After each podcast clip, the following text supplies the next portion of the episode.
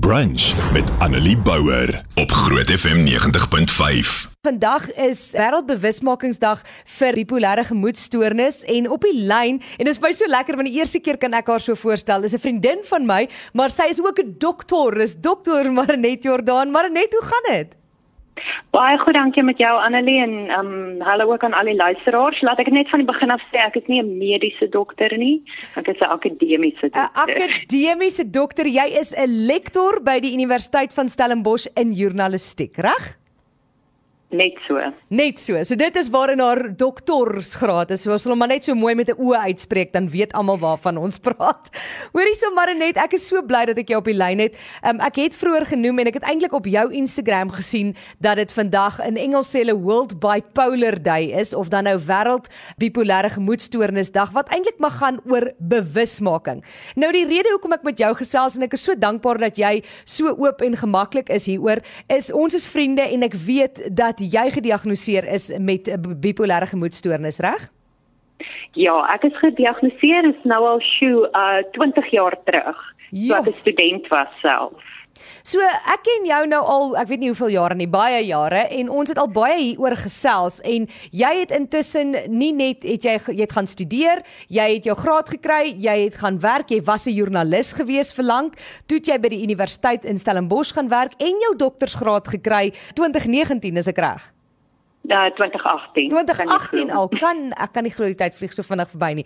Het jy jou doktorsgraad verower en jy het 'n pragtige artikel geskryf vir Netwerk 24 spesifiek oor hoe dit is om te lewe met bipolêre gemoedstoornis en dat 'n mens 'n funksionele lewe kan hê al word jy meer gediagnoseer. Ja, dit is heeltemal reg. Ek dink vir my is dit baie belangrik om stigmas te verbreek om om mense net bewus te maak van wat is die ware ervarings van mense wat werklik met um depressie verwante siektes en geeste uh, geeste siektes is asseblief nie die regte woord nie. Mense praat van psigiese siektes of psigiatriese siektes.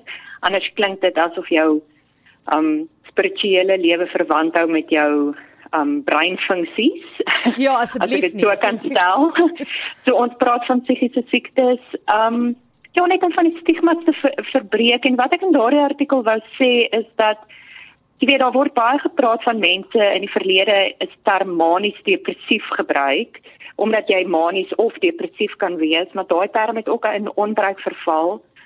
Maar daar word baie keer gesê oeg hierdie persoon is so kreatief. Ek weet Katy Perry sing 'n liedjie van bipolar roller coaster en goed. En en mense het regtig 'n wanbegrip van het, wat dit werklik beteken om daarmee saam te leef. En dis die ander ding wat ek wil sê ek ek is nie mal daaroor as mense sê jy ly aan bipolêre gemoedstoornis nie want dit is nie iets waarna jy ly nie dis iets waarmee jy saamleef. En ek dink op daai punt met my artikel wat toevallig um, was my doktorsgraad oor na, um, het ek navorsing gedoen by netwerk 24 So ek wou eintlik net daarmee sê dat dit is maar net 'n gewone ding wat gebeur het met my. Ek jy weet soos baie ander mense het ek 'n doktorsgraad gekry. Ja, dit het soms meer inspanning geverg op 'n psigiese vlak, maar die feit dat 'n mens met 'n psigiese siekte en spesifiek bipolêre gemoedstoornis gediagnoseer is, beteken glad nie jy kan nie hoogs funksionerend wees nie. Daar ja. is tye ek ek was al opgeneem in 'n kliniek soos Denmar, ehm um, waar dit moeiliker gegaan het as ander kere.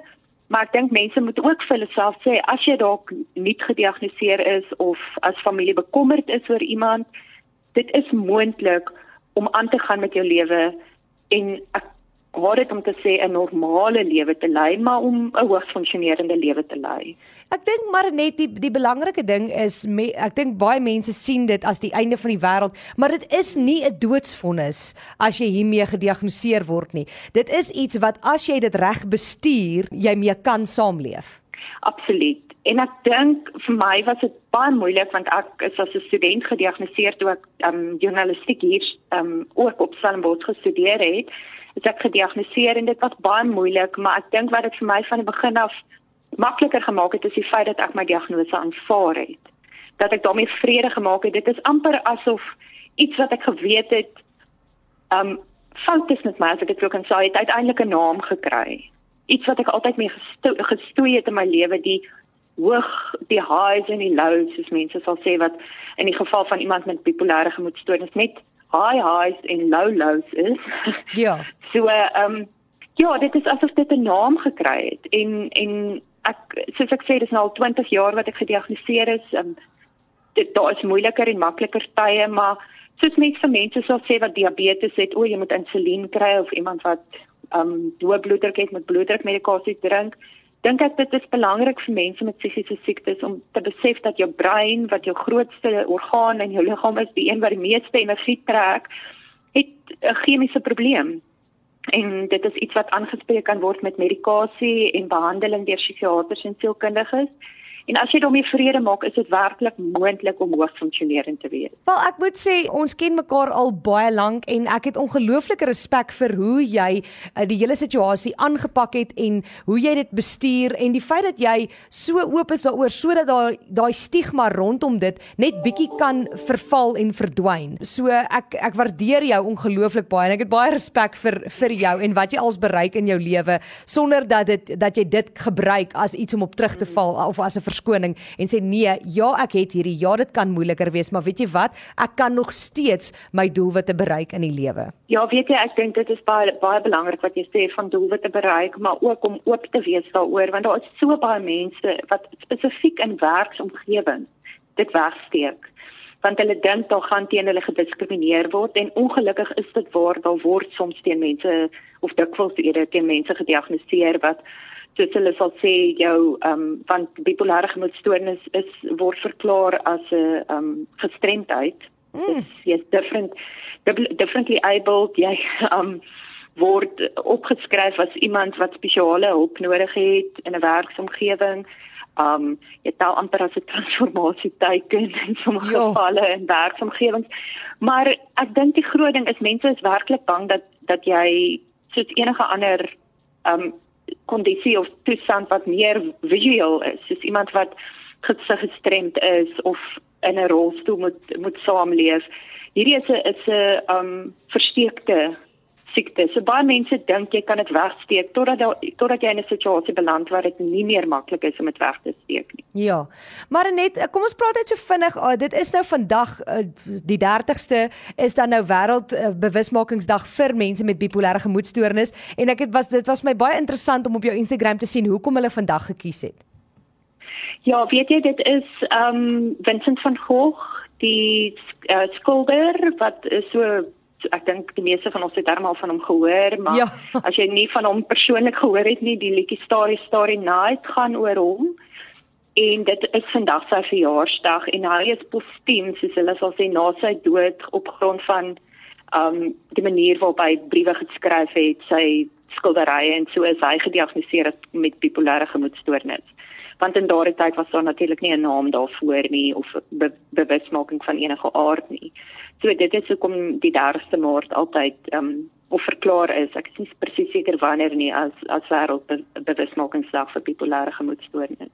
Hoorie Marinet, verskriklik baie dankie vir jou tyd en uh, dit is vir my lekker om met jou te kan gesels. Ek weet jy moet nou gaan klas gee want jy is nog 'n lektor so tussendeur alles. Sê vir my hoe hoe gaan dit nou met die COVID dinge daar by julle?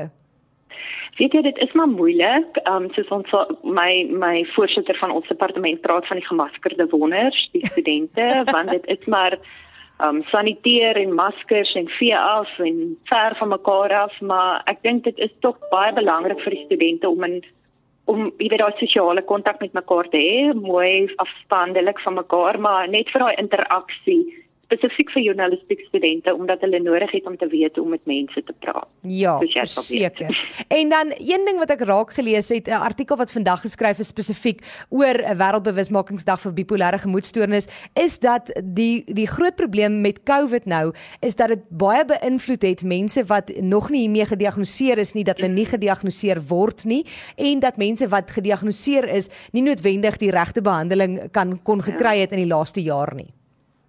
Dit is ongelukkig die waarheid baie um siektes en toestande wat mense of gediagnoseer of ongediagnoseer het het, het en natuurlik um jy weet amper is het onderdanig geraak aan COVID as ek dit ja. so kan stel. In Suid-Afrika veral byvoorbeeld TB behandeling het regtig agterweë gebly en dit is 'n groot probleem in Suid-Afrika.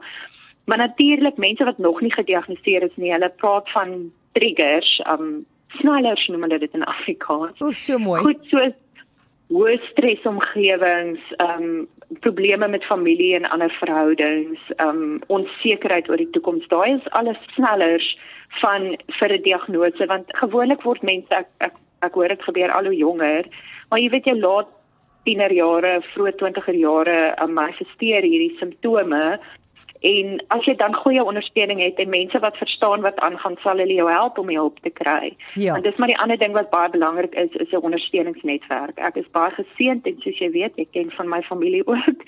Um Ek ken jou familie goed, goeie, hulle is amazing. Ja, met 'n baie goeie ondersteuningsstruktuur en by my werk ook, my voorsitter van ons departement, professor Lizet Rabbe, het die Temba stigting begin wat spesifiek fokus op die bewusmaking van psigiese siektes. So ek is gelukkig. Ek is in 'n gelukkige posisie, um soos hulle sal sê, ek is privileged en ek is bewus daarvan, maar my hart gaan uit na mense wat in hierdie omstandighede en spesifiek in die COVID tye en spesifiek in die grendeltyd, die lockdown, baie swaar gekry het. Ja. Hoorie maar net baie dankie vir jou tyd. Skus ek wil jou nie by jou klas weghou nie. Ek eh, waardeer jou tyd vanoggend en is lekker klas gee en sterkte vir die lang naweek wat voorlê. Ag, baie dankie Annelie en alles wat mooi vir jou ook. dankie hoor baie. Bye. Dit is dokter Marnet Jordan. Sy is 'n dokter in journalistiek. Sy is 'n lektor daar by die Universiteit van Stellenbosch. Baie goeie vriendin vir my vir wie ek ongelooflik lief is en ek eh, dit is altyd lekker om te weet dat mense wat in sulke omstandighede is wat gediagnoseer is met iets soos 'n bipolêre gemoedstoornis nog steeds 'n hoë funksionerende lewe kan hê en sy is vir my 'n groot voorbeeld daarvan. So dankie vir haar tyd. Annelie Bouwer. Weekoggend tussen 9 en 12 op Groot FM 90.5.